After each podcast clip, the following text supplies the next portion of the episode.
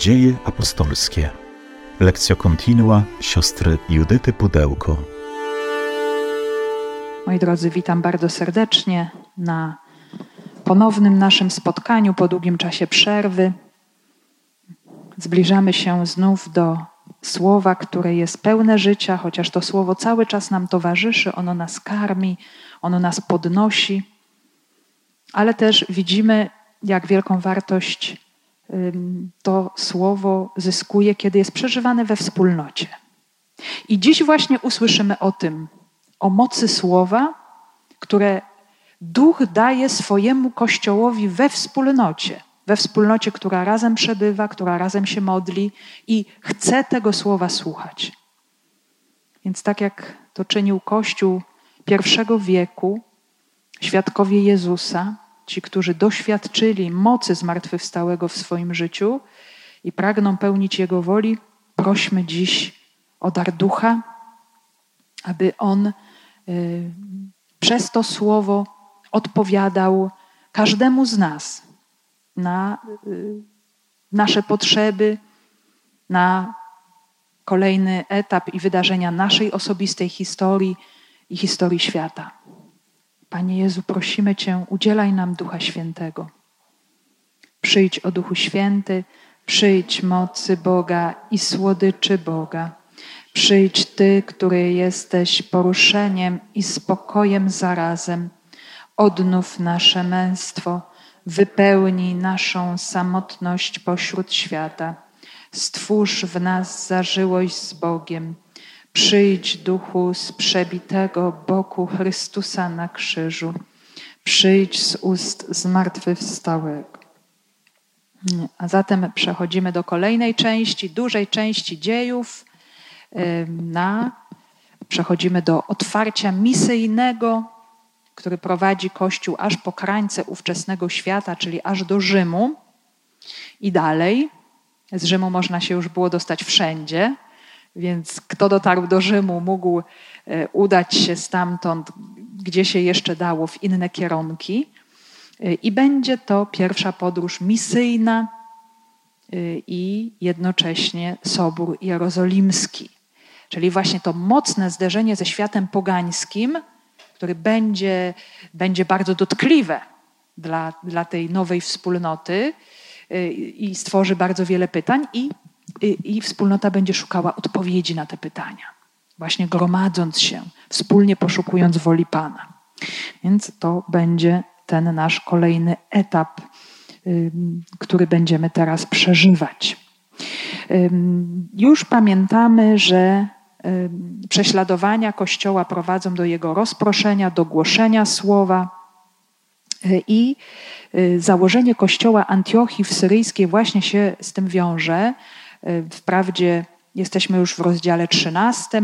Rozdział 12 nam mówił o czymś innym, bo to była, jak pamiętacie, historia uwięzienia Piotra i różnych okoliczności z tym związanych, ale kontekst rozdziału 11 e, właśnie pokazywał nam to rozproszenie, to przybycie Żydów z różnych, e, judeochrześcijan z różnych miejsc, e, właśnie ich rozproszenia i głoszenie Ewangelii, i w końcu dotarcie do Antiochii, gdzie głoszono również do Greków. I Grecy y, przyjęli Ewangelię, przyjęli chrzest.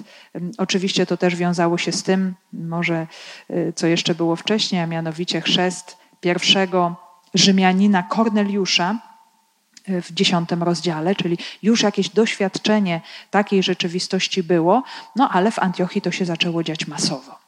Oni zaczęli przychodzić, przyjmować chrzest i to też jest rzecz bardzo ważna. Ta wspólnota w Antiochii była wspólnotą mieszaną judeo-chrześcijan i pogano-chrześcijan. Więc jest tutaj wielkie działanie ducha, ręka pańska była z nimi i właśnie prowadziła to dzieło w ten sposób, że e, poganie przyjmowali wiarę i chrzest. I tak jak już mówiliśmy sobie, ta Antiochia to jest bardzo ważna metropolia, to jest trzecie co do wielkości miasto w imperium. 500 tysięcy ludzi, 60 tysięcy Żydów, bardzo też otwartych na kontakty ze światem, więc bardzo ważny ośrodek. I zobaczcie, łaska Boża nawet w takich metropoliach może działać, pomimo że zawsze te wielkie miasta to jest również no, miejsce jakichś pokus, grzechów, jakiejś wielkiej pychy ludzkiej, ale to Panu Bogu nie przeszkadza. On wykorzystuje to skupisko ludzi, to, że ci bardzo różni ludzie w tym miejscu są i działa. Działa poprzez swego ducha. Więc y, tutaj przybywają właśnie ewangelizatorzy, y, mają kontakt i ze wspólnotą żydowską, ale również też z poganami. Możemy sobie popatrzeć właśnie tutaj na mapę. Y, ta pomarańczowa plamka to jest właśnie Ziemia Święta z Jerozolimą, a nieco wyżej Antiochia Syryjska.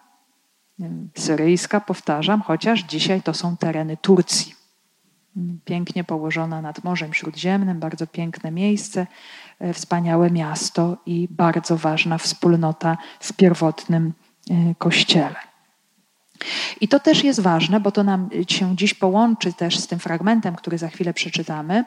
Do tej wspólnoty jest wysłany Barnaba jako wysłannik Kościoła w Jerozolimie. On tam właśnie ma doglądać, żeby wszystko działo się w sposób właściwy, prawowierny y, i rzeczywiście tam przybywa, widzi działanie Boże, cieszy się z tego działania. No i co? I wpada na genialny pomysł, że do tej misji zaprasza Szawła. Dlaczego? Bo już Szawła trochę poznał. Jak pamiętamy właśnie, co było z tym Szawłem. Z tym Szawłem, moi drodzy, to było tak, że on y, zapałał tak wielką żarliwością ewangelizacyjną, był tak bezwzględny, był tak radykalny, że to powodowało nieprawdopodobne napięcia. No i pamiętacie, w Damaszku zaraz po nawróceniu zaczął głosić, no i co? I bracia go odesłali, bo zaczęło się już robić niebezpiecznie.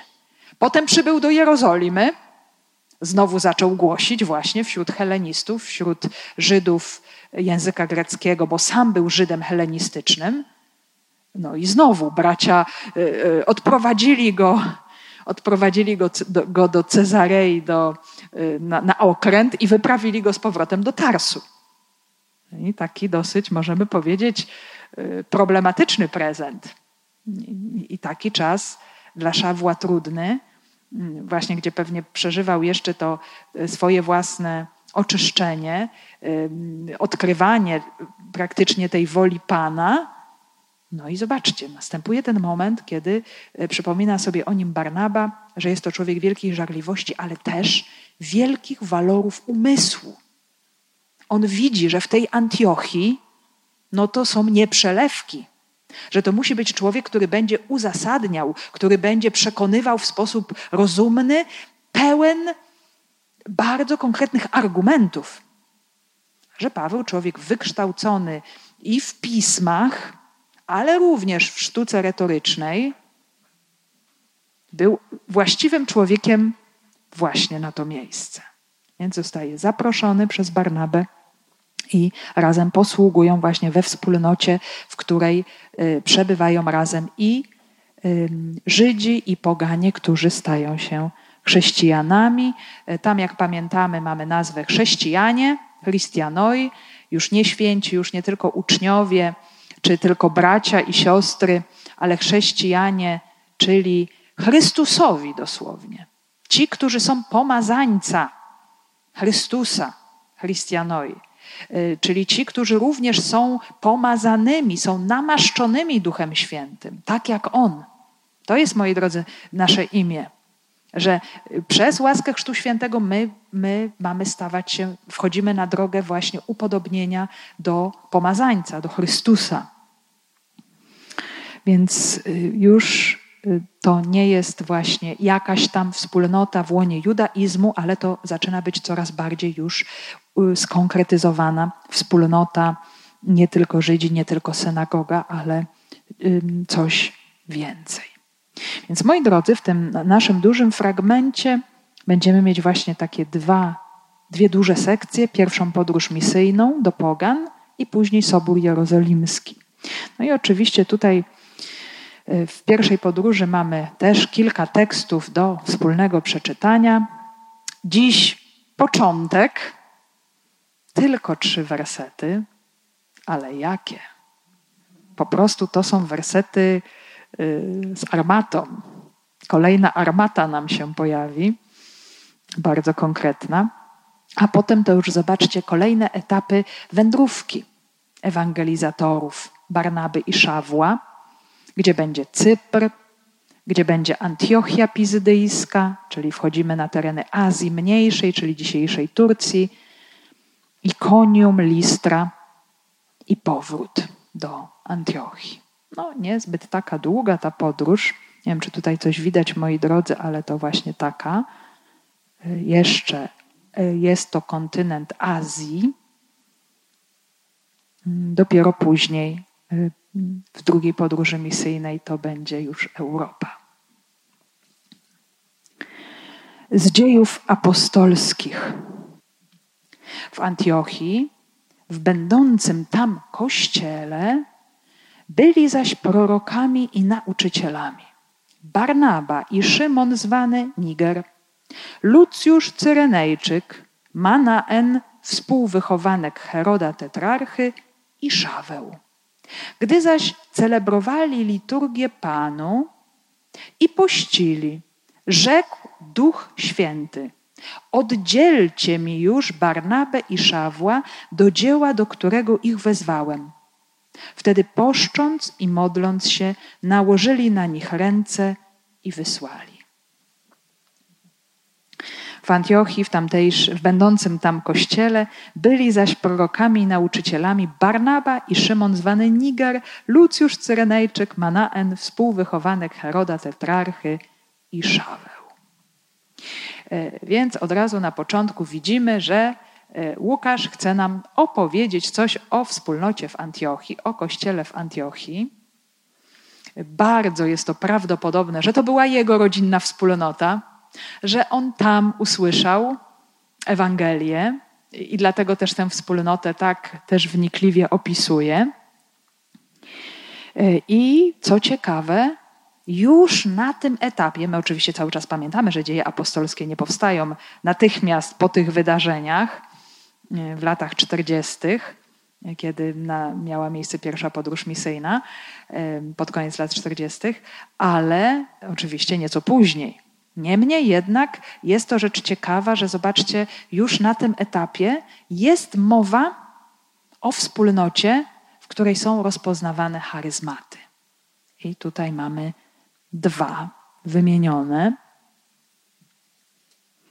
Prorocy i nauczyciele. Profetaj kai didaskaloi. Prorocy i nauczyciele. E, wcześniej czytamy o, w dziejach apostolskich o tym, że do Antiochii przybyli z Jerozolimy prorocy. To, to jest też bardzo piękna rzecz, że jest taka wymiana pomiędzy Jerozolimą i Antiochią. Jest kościół matka, Jerozolima, no i ma to swoje dziecko, to, tę młodą wspólnotę, też ufundowaną częściowo przez pewnie i ewangelizatorów z Jerozolimy, ale i przez innych, ale Jerozolima czuje się odpowiedzialna, no bo przecież ten kościół wysyła tam Barnabę jako tego, który ma się też tą wspólnotą opiekować w pewnym sensie. I przybyli tam prorocy. Właśnie była o tym mowa w 11 rozdziale. Jeden z nich imieniem Agabos przepowiada klęskę głodu, y, która nastąpi i to się będzie wiązało z późniejszą składką, zbiórką pieniężną wspólnoty w Antiochii dla kościoła w Jerozolimie. Czyli Jerozolima niejako funduje tą Antiochię, czy dba o jej duchowy rozwój, a Antiochia rewanżuje się właśnie takim gestem miłosierdzia, wsparcia.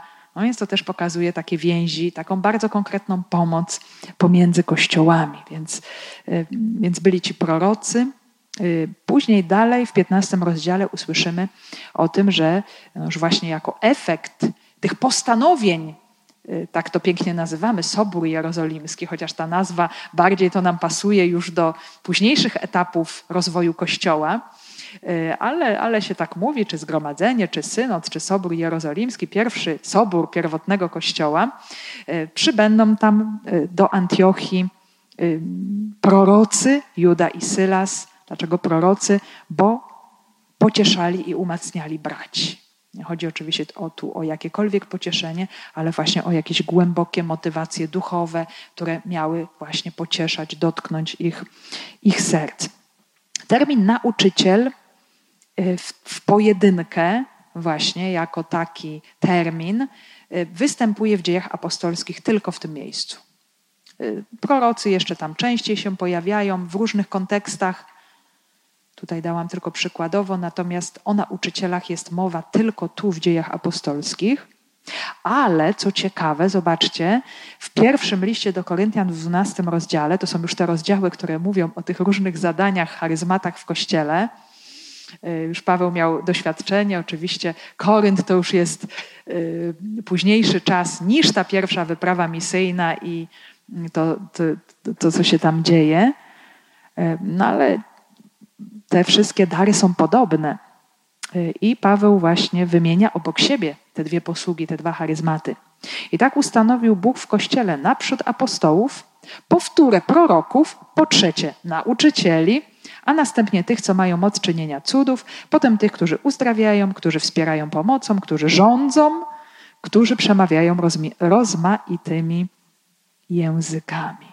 I właśnie mówi tutaj Paweł o dwóch różnych posługach: posłudze proroka i nauczyciela. Też możemy sobie zadać pytanie, no właśnie, czy to jest to samo, czy to jest coś innego, y, na czym polegała misja jednych, na czym polegała misja drugich. I teraz też rodzi się pytanie, czy wszystkich pięciu ludzi wymienionych w tym pierwszym wersecie to byli i prorocy, i nauczyciele zarazem, czy nie?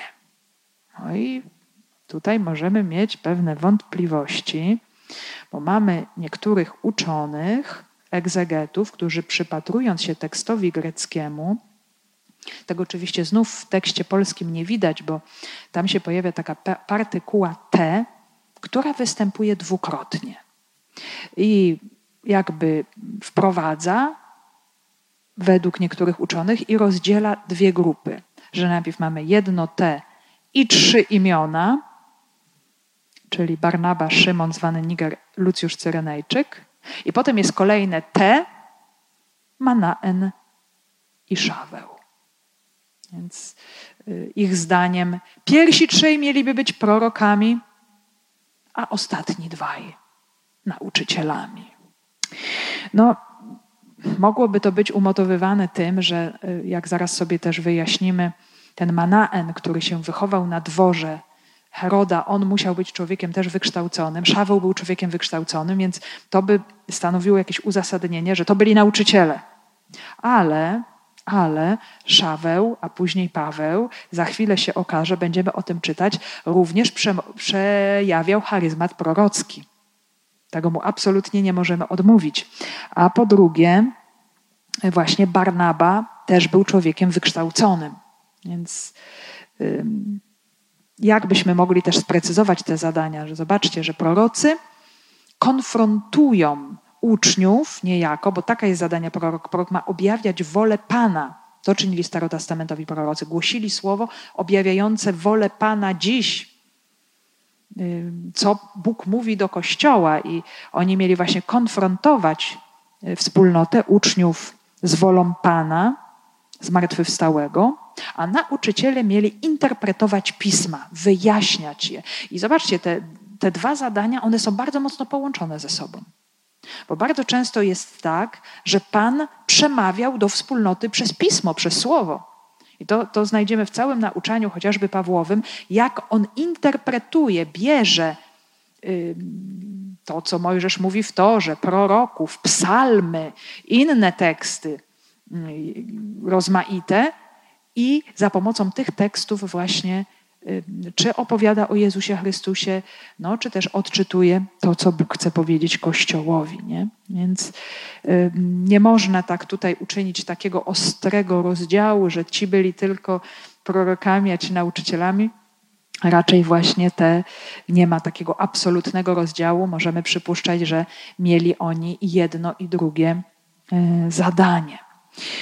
No i Właśnie, mamy tutaj takich liderów wspólnoty, Na pewno są to liderzy, mm, prorocy i nauczyciele, czyli właśnie coś przekazujący innym. I mamy konkretne imiona. Na początku pojawia nam się Barnaba, który już jest znany, skąd inąd. Pojawia nam się już w czwartym rozdziale dziejów. Pamiętamy, że to jest Lewita rodem z Cypru, czyli Żyd o korzeniach pochodzących z rodu kapłańskiego, e, który dokonuje wspaniałomyślny akt sprzedaży e, swojego pola i wszystko to składa u stóp apostołów, staje się właśnie takim, takim obrazem radykalnego ucznia. Czyni naprawdę taki ogromny dar wielkiego zawierzenia. No i też jest on powiązany, pomimo że pochodzi z Cypru, z kościołem w Jerozolimie, która, jak sobie powiedzieliśmy przed chwilą, wysyła Barnabę na misję do Antiochii. I jaki to jest człowiek?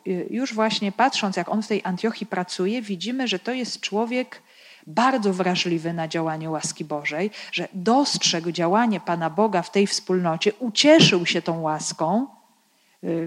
Nie, nie jest tutaj dokładnie powiedziane, co zobaczył i z czego się ucieszył, ale widział te oznaki wiary, jakieś przemiany życia, działania Pana Boga właśnie w tej konkretnej wspólnocie, do której był posłany, do której poszedł. No i, i, i to jest, myślę, taka bardzo ważna cecha, taka umiejętność widzenia, też potwierdza jego taki profetyczny charyzmat. Widzi, że Bóg działa, widzi, że ta moc Boża się objawia. Y, potrafi też rozpoznać, jaka jest wola Pana. Chociażby to zaproszenie Szawła był bardzo odważny. Ten Szaweł gdzieś był tam odsunięty, jak sobie powiedzieliśmy. Y, także człowiek odważny, radykalny, y, widzący działanie mm, Pana Boga. Potem nam się pojawia tajemnicza postać Szymon. Szymon to jest imię żydowskie jak najbardziej, ale posiada on przydomek Niger co znaczy czarny, y, co by wskazywało na mieszkańca Afryki, najprawdopodobniej Afryki Północnej. Tutaj możemy mieć bardzo różne hipotezy, bo to imię nam się nie pojawia już nigdzie w Nowym Testamencie, tylko raz. W Afryce Północnej też mówiliśmy sobie o tym, były liczne wspólnoty żydowskie, synagogi w Etiopii, Nubii, Egipcie, Libii. Pamiętamy y, eunucha etiopskiego chociażby też, który został zewangelizowany i tę Ewangelię do Etiopii e, zaniósł. Czyli mógł to być właśnie człowiek pochodzący z Afryki Północnej i mający taki też przydomek, czyli Żyd Szymon z Afryki Północnej mający taki przydomek, Niger czarny, czyli ty jesteś tym gościem właśnie z tych terenów ale mógł być też poganinem, bo imię Niger to było normalne imię rzymskie. Więc no, zastanawia nas to ta dwoista, dwoistość imion, że jest i Szymon i Niger, ale nie, nie potrafimy do końca tego zidentyfikować. Mógł to być jego przydomek, a mogło być to jego po prostu imię. Nic więcej nie wiemy na jego temat. Potem nam się pojawia imię Lucjusz. To już jest typowe imię rzymskie. Pochodzi on z Cyreny, Afryka. I właśnie dzieje wcześniej mówiły, że ewangelizatorzy Antiochii pochodzili z Cypru i Cyreny. Historycy przekazują, że był taki biskup również w Cyrenie o imieniu Szymon. Nie wiemy, czy to właśnie o niego chodzi. Być może tak. Ta Cyrena była też taka y, znacząca. Pamiętamy, że był Szymon z Cyreny, ten, który się pojawił tak przez przypadek na egzekucji Jezusa. Y, wracał z pola i, i, i go po prostu zaproszono do niechlubnego zadania niesienia krzyża.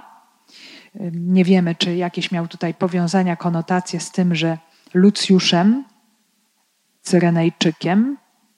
Natomiast samo imię Lucjusz bez innych dodatków pojawia nam się w liście do Rzymian, kiedy w XVI rozdziale Paweł pozdrawia bardzo wielu swoich współpracowników. Więc niewykluczone, że to ten Lucjusz, chociaż to było imię bardzo popularne. Więc mm, też zobaczcie, nie wiemy nic więcej na temat tego człowieka. Wiemy jedynie, że pochodził, nie był mieszkańcem Antiochii. Podobnie jak Barnaba, podobnie jak Szymon Niger. Nie wiemy, czy pochodził z Antiochii, prawdopodobnie nie. Tak samo mm, właśnie Lucjusz też nie był Antiocheńczykiem. No i kolejne imię, Manaen. To jest greckie imię imienia hebrajskiego Menachem. Menachem znaczy po hebrajsku pocieszyciel. I tutaj możemy być przekonani, że to był Żyd, ponieważ właśnie samo imię o tym świadczy, wprawdzie zhelenizowane, ale jednak nawiązujące do imienia żydowskiego. No i już coś więcej wiemy, bo y, Łukasz y, zauważa, że, że on wychował się na dworze Heroda tetrarchy, czyli Heroda Antypasa. Co to znaczy? Współwychowanek. Dosłownie tutaj tekst grecki mówi współkarmiony, współżywiony z Herodem tetrarchą. Y, niektórzy przypuszczają, że matka tego właśnie człowieka, Manaena, mogła być jedną z nianiek Heroda Antypasa. No i właśnie karmiła jednego, karmiła drugiego, jak trzeba było. Mm, taka niańka i gdzieś tam razem przebywali za młodu. No to też jest bardzo ciekawa rzecz, bo zobaczcie, Ewangelia Łukasza w ósmym rozdziale mówi nam znowuż o kobiecie o imieniu Joanna, żona Chuzy, zarządcy u Heroda. Ludzie z kręgów dworskich otwierają się na Ewangelię. To by też, moi drodzy, tłumaczyło znajomość pewnych szczegółów, na przykład tej słynnej uczty u Heroda Antypasa, która doprowadziła do tego, że co się stało? Że Jan Chrzciciel został ścięty. Nie? Te wszystkie szczegóły, taniec, salome, e, inne te rzeczy, więc zobaczcie, e, Pan wybiera sobie ludzi z bardzo różnych miejsc. Herod Antypas nam się bardzo źle kojarzy. Człowiek niesamowicie przewrotny, zdeprawowany. I tak możemy przypuszczać, że podobne było jego środowisko, cały możemy powiedzieć jego dwór, ten klimat, ale z drugiej strony Pan sobie tam wybiera ludzi. I nawet Ewangelia trafia w takie środowisko, zdeprawowane. No więc to jest też taki dla nas kolejny, myślę, ciekawy element że taki człowiek nie dosyć właśnie, że staje się chrześcijaninem. I zobaczcie, tutaj jeszcze staje się liderem kościoła w Antiochii. No, ciekawa taka, możemy powiedzieć, bujna historia. Y, no, nie wiemy, czy od początku, jako taki kolega Heroda Antypasa od małego, czy szedł jego śladami w takim życiu dosyć swobodnym, czy żył inaczej. Nie wiemy, jaka była jego historia ale widzimy, dokąd doszedł. Stał się świadkiem i, i jeszcze na dodatek liderem mm, wspólnoty. I na samym końcu jest wymieniony Szaweł. Zamyka tę listę. Można powiedzieć, na początku jest Barnaba i na końcu jest Szaweł. Tak jak sobie powiedzieliśmy, do tej pory działający na uboczu, mm, a posiadający ogromny zapał ewangelizacyjny odsuwany.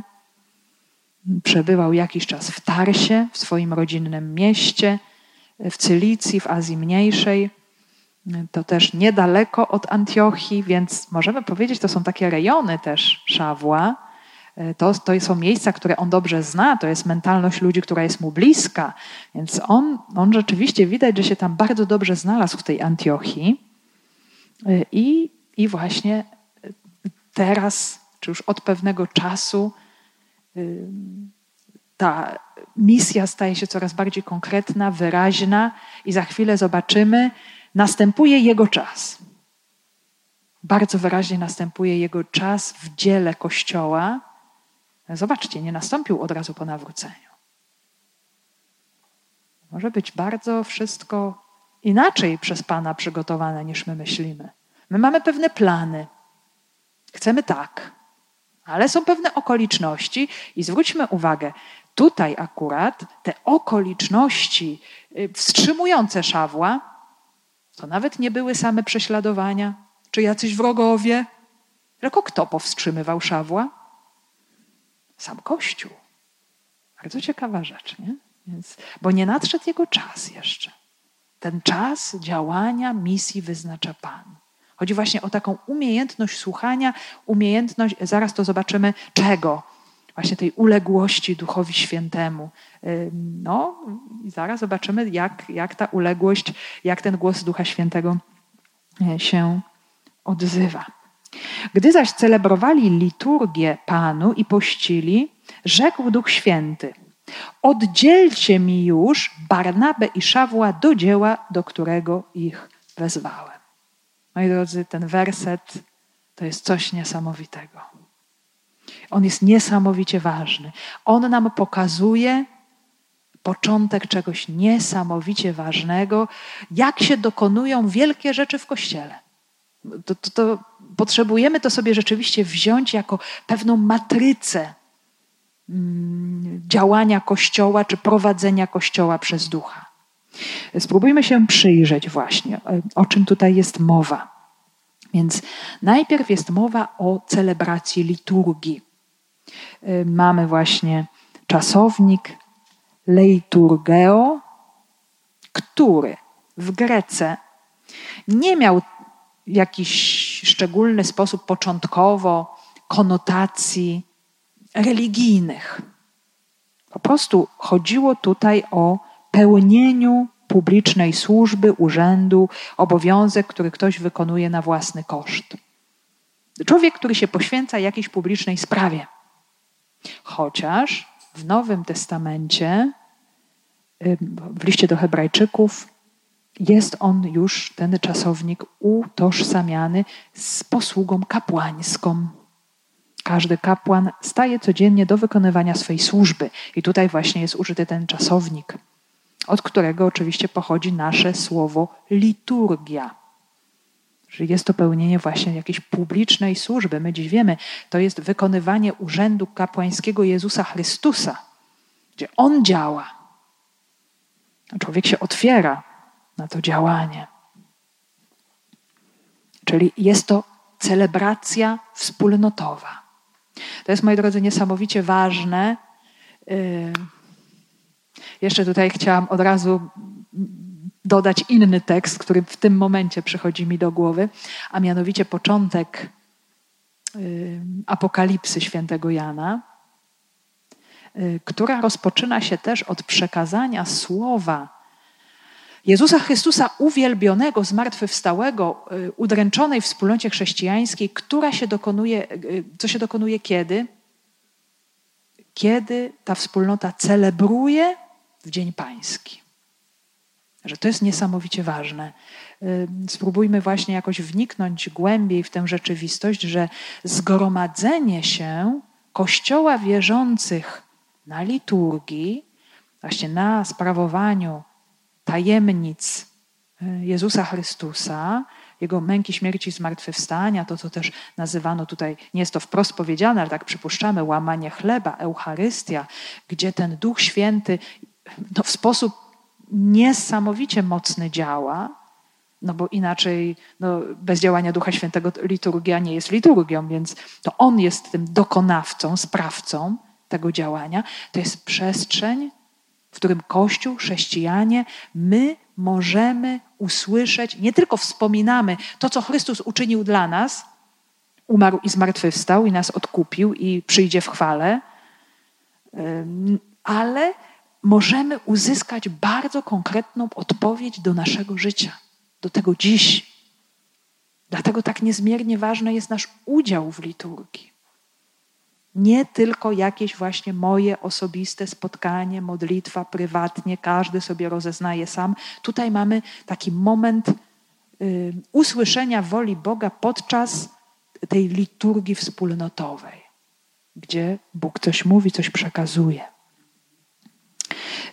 I jeżeli właśnie jeszcze mówimy, że to jest liturgia, czyli to nie jest prywatna modlitwa, I to nie jest jakby samo koncentrowanie się na sobie, czyli Panie Boże, Ty powiedz nam, co my mamy czynić, i cały czas myślimy o sobie, tylko no co? No, celebrują liturgię, koncentrują się na Jezusie Chrystusie, tak jak wtedy no, byli w stanie to uczynić, mając swoją formę celebracji, przeżywania też ym, wieczerzy pańskiej. Więc skoncentrowanie się na Bogu, wpatrywanie się w Niego, nie w siebie. No i też druga kwestia to jest wejście w taką szczególną dyspozycję człowieka, czyli post. Y, post to jest pomoc, aby właśnie nie słuchać siebie, aby swoim jakimś różnym mm, chęciom powiedzieć nie, w tym momencie ja chcę słuchać Boga. Nie? To, co On powie, słuchać Jego wolę. I mamy sporo różnych właśnie takich tekstów, jeszcze mówiących o poście w Starym Testamencie. Po co człowiek pości? Po co człowiek pości? Te biblijne motywacje są przeróżne.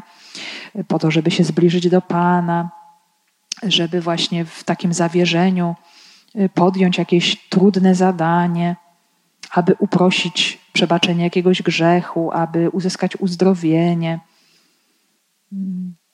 Post był wiązany też z rzeczywistością żałoby, żeby oddalić od siebie jakąś klęskę, czy żałoba po jakimś nieszczęściu narodowym była wiązana z postem, ale również otworzenie się na Boże światło, przygotowanie się na spotkanie z Bogiem i to, co mamy tutaj, otrzymanie łaski, otwarcie się na łaskę, żeby wypełnić jakieś posłannictwo.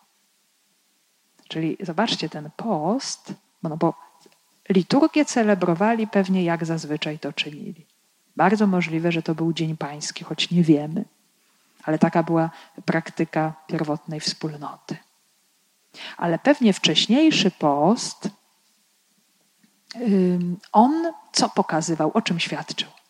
Że oni chcieli przygotować się do czegoś, czyli już było w nich wszystkich jakieś przeczucie, jakaś intuicja, że Bóg nas do czegoś wzywa, do czegoś zaprasza, ale my jeszcze nie wiemy do czego.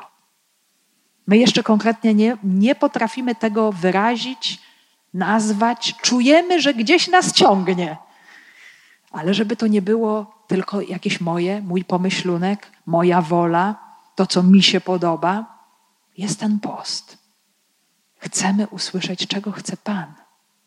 To jest, moi drodzy, to jest najważniejsze i, yy, i stanowi o yy, tej sile misji Kościoła. Że sobie nie kombinujemy, szukając naszych rozwiązań, strategii takich czy nie innych, że może tak, a może tak, a może mm, co nam pasuje, ale chcę usłyszeć, czego chce Bóg. Tu jest ewidentnie to widoczne. To jest niesamowicie ważne. Tego potrzeba nieustannie przez całe wieki Kościołowi. Oni nie pytają o jakieś właśnie, y, co będzie nam łatwiej, ale co chce Pan od nas. Więc, więc ten post o tym by świadczył. Chcemy się wyzuć z samych siebie. Więc ten post też y, stawia tychże liderów w takiej kruchości, bo no, co się dzieje z nami, kiedy pościmy? Cierpimy. Tak czy inaczej, oczywiście, my dziś możemy sobie ten post też y, poszerzyć, y, zobaczyć, jakie jest szerokie znaczenie postu. To jest nie tylko niejedzenie, bo nawet wręcz niektórzy mają obsesję na punkcie niejedzenia, ale zobaczyć, do czego ja jestem przywiązana, no i się teraz odłączam od tego. No i czuję, że czegoś mi brakuje. Nie? To jest bardzo dużo takich rzeczywistości, które mamy na każde zawołanie, y, do których, bez których czasami wydaje nam się, że nie potrafimy funkcjonować, no i nagle nie mam. Więc ja staję w tej kruchości przed Bogiem, w jakimś ogromnym trudzie tego poszukiwania. Liturgia świadczy o tym, oddaję mu chwałę, koncentruję się na nim. No i słucham. Przestrzeń słuchania. Woli Bożej się nie wymyśla, Wolę Bożą się otrzymuje i ją się słyszy. Człowiek musi się przygotować do tego. Nie? Gdzie Pan Bóg to może tak z zaskoczenia też nie?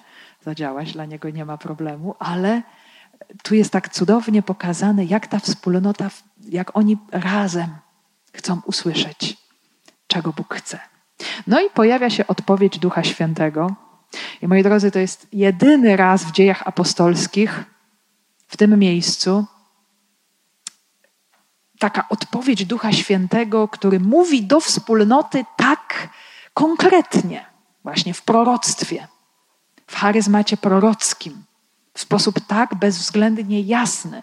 Sami oczywiście będą się pojawiać, szczególnie dalej w misji Pawła, takie różne stwierdzenia. Duch go posyła tam, duch mu zabrania iść tu. Ale tutaj to jest doświadczenie wspólnotowe. Wspólnotowe. No i możemy sobie zadać pytanie, jak ten Duch Święty tam tak to powiedział. No ktoś był jego ustami po prostu. No jeżeli wierzymy w obecność Ducha Świętego w Kościele, że kiedy się gromadzimy jako Kościół, On jest pośród nas i On jest tą obecnością Jezusa zmartwychwstałego pośród nas, tak jak teraz w tym momencie. Jesteśmy zebrani jako Kościół, Duch Święty jest pośród nas. On sprawia, że to słowo teraz staje się dla nas czytelne, zrozumiałe, czy może nas pociągać, czy może budzić w nas no, różne poruszenia. To jest działanie ducha. I, I tak samo tutaj duch odezwał się przez któregoś z proroków właśnie w taki, w taki sposób. No i co Duch Święty powiedział? Oddzielcie mi już Barnabę i Szawła do dzieła, do którego ich wezwałem. Oddzielenie. Czasownik aforizo, który nam się pojawia w różnych kontekstach, on oznacza czasami takie zwykłe oddzielenie jednej rzeczy od drugiej, czy jednych ludzi od drugich, ale znajdziemy bardzo piękne użycie tego słowa w samym nauczaniu świętego Pawła w tak ważnym dziele jak list do Rzymian, kiedy to jest fundamentalne dzieło doktrynalne, kiedy Paweł się przedstawia na samym początku tego listu, to właśnie tak siebie określa. Paweł, sługa Jezusa Chrystusa, powołany na apostoła, oddzielony do głoszenia Ewangelii Boga. Czy też w liście do Galatów on wspomina sam o sobie, i to jest też niesamowicie piękne, że Bóg oddzielił go do tej misji, już w łonie jego matki. Został oddzielony, został wyznaczony, został przeznaczony. Jakby e, już wtedy, to oczywiście też nawiązuje nam bardzo pięknie do e, misji proroka Jeremiasza. Właśnie też o tym mówi, że w łonie matki został powołany, zaproszony przez Boga. I o czym to nam świadczy, moi drodzy, że że ten Boży zamysł, bo Bóg jest ponad czasem, ponad historią i On widzi wszystko w całości. My żyjemy punktowo, chwila po chwili. To jest nam bardzo trudno zrozumieć tę rzeczywistość. Bóg jakby patrzy z góry na to, On już widzi, co będzie u kresu naszego życia. On już to wie. On wiedział o tym wszystkim, co dzieje się teraz z nami już na samym początku. Nie dlatego, że On jakoś nas przeznaczył y, czy zaszufladkował w jakąś rzeczywistość, ale dał nam łaskę i po prostu we swej wszechmocy wie.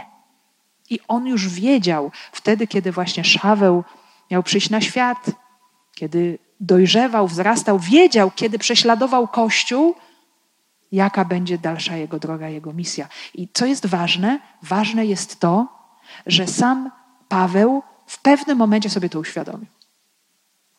Bo ta wola Boża, y, ten Boży plan jest.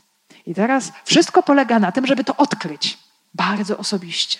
Że ja wiem, że Bóg mnie do tego zaprasza. I, i to, że on został oddzielony do tej misji, jest to tak uroczyście powiedziane. To jest, zobaczcie, cały sens głoszenia życia i męczeństwa Pawła to jest to. I to jest ten moment właśnie, kiedy on sobie uświadamia. Bo to nie jest tak, że Bóg go oddzielił dopiero w tym momencie. Z tego, co sam właśnie Paweł mówi o sobie w liście do Galatów, Bóg go oddzielił już w momencie początku jego życia. Że to już było wtedy. Natomiast oczywiście to się wszystko objawiło o wiele później y, i, no i podobnie jest w naszym życiu.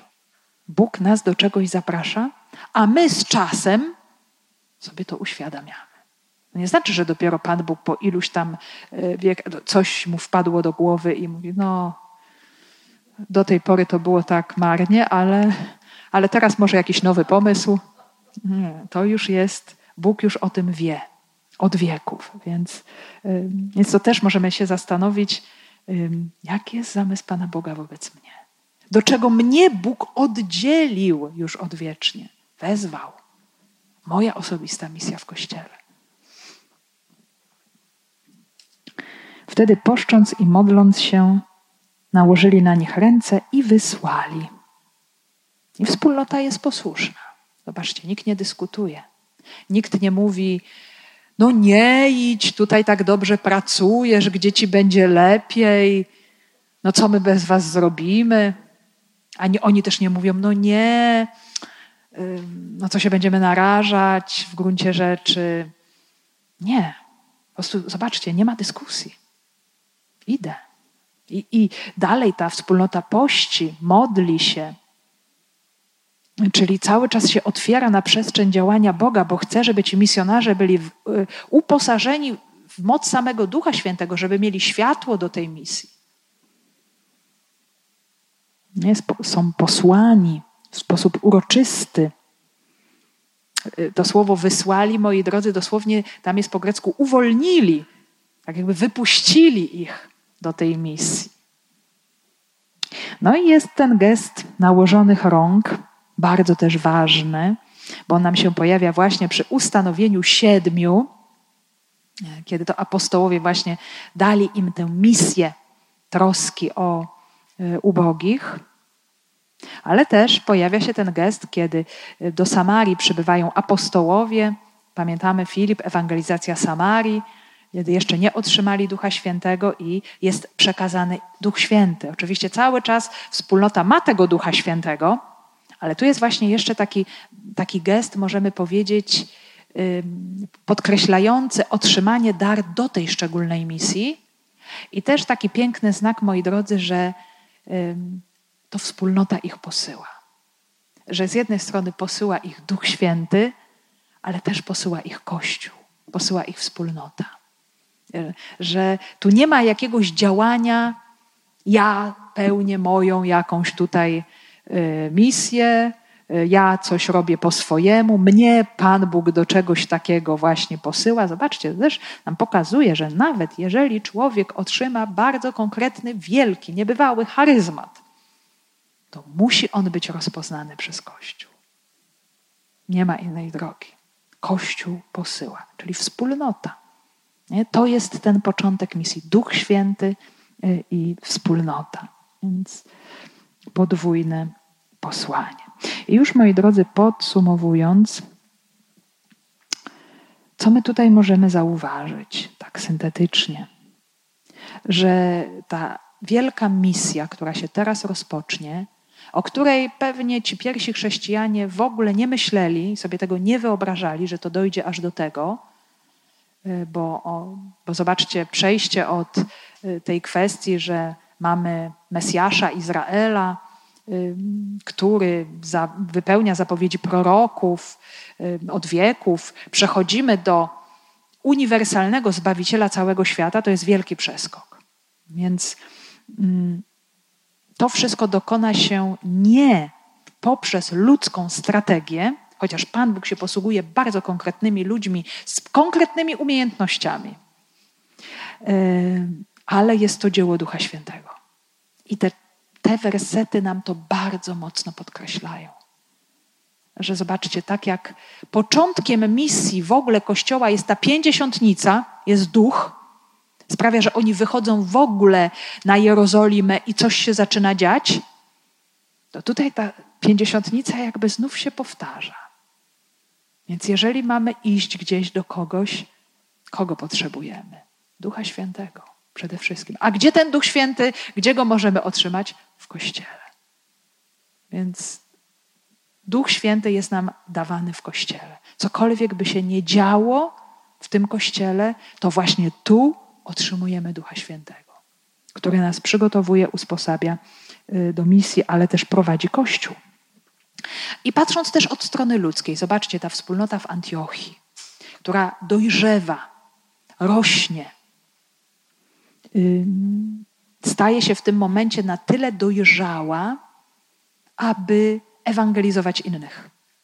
Tak jak wspólnota w Jerozolimie do tego też dorastała i się przygotowywała, i oczywiście musieli też dostać e, jakieś uderzenie specjalne, czyli prześladowania, żeby duch ich wypchnął. Też było dzieło ducha. E, tak teraz wspólnota z Antiochii odkrywa, tak jak powiedziałam wcześniej, już tam się to pewnie w nich gotowało, to pragnienie. Oni już pewnie nie mogli wytrzymać, byli tak wypełnieni tą radością, nowego życia, tym doświadczeniem Jezusa Chrystusa, doświadczeniem zbawienia, że już nie mogli tego utrzymać w sobie. No i właśnie pewnie modlili się, szukali, pytali, co mamy czynić. I Duch Święty im odpowiedział. Więc e, też e, pamiętamy o tej hojności, nie? że byli hojni materialnie wobec Jerozolimy. Paweł z Barnabą zanieśli składkę, a teraz są hojni na innym poziomie duchowo. Oddają braci, posyłają, chcą, żeby słowo było niesione dalej.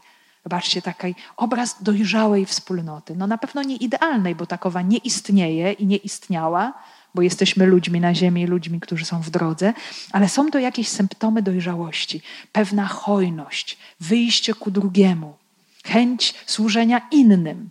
To jest właśnie już ukazanie tej hojności.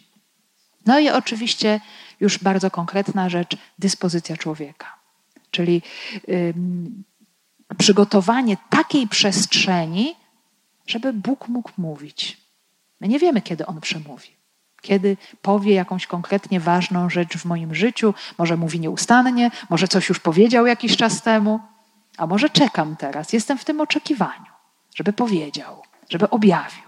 Więc tutaj mamy bardzo konkretny właśnie obraz, taką wzorcową matrycę, która nam pomaga otworzyć się na głos ducha, żeby on przemówił.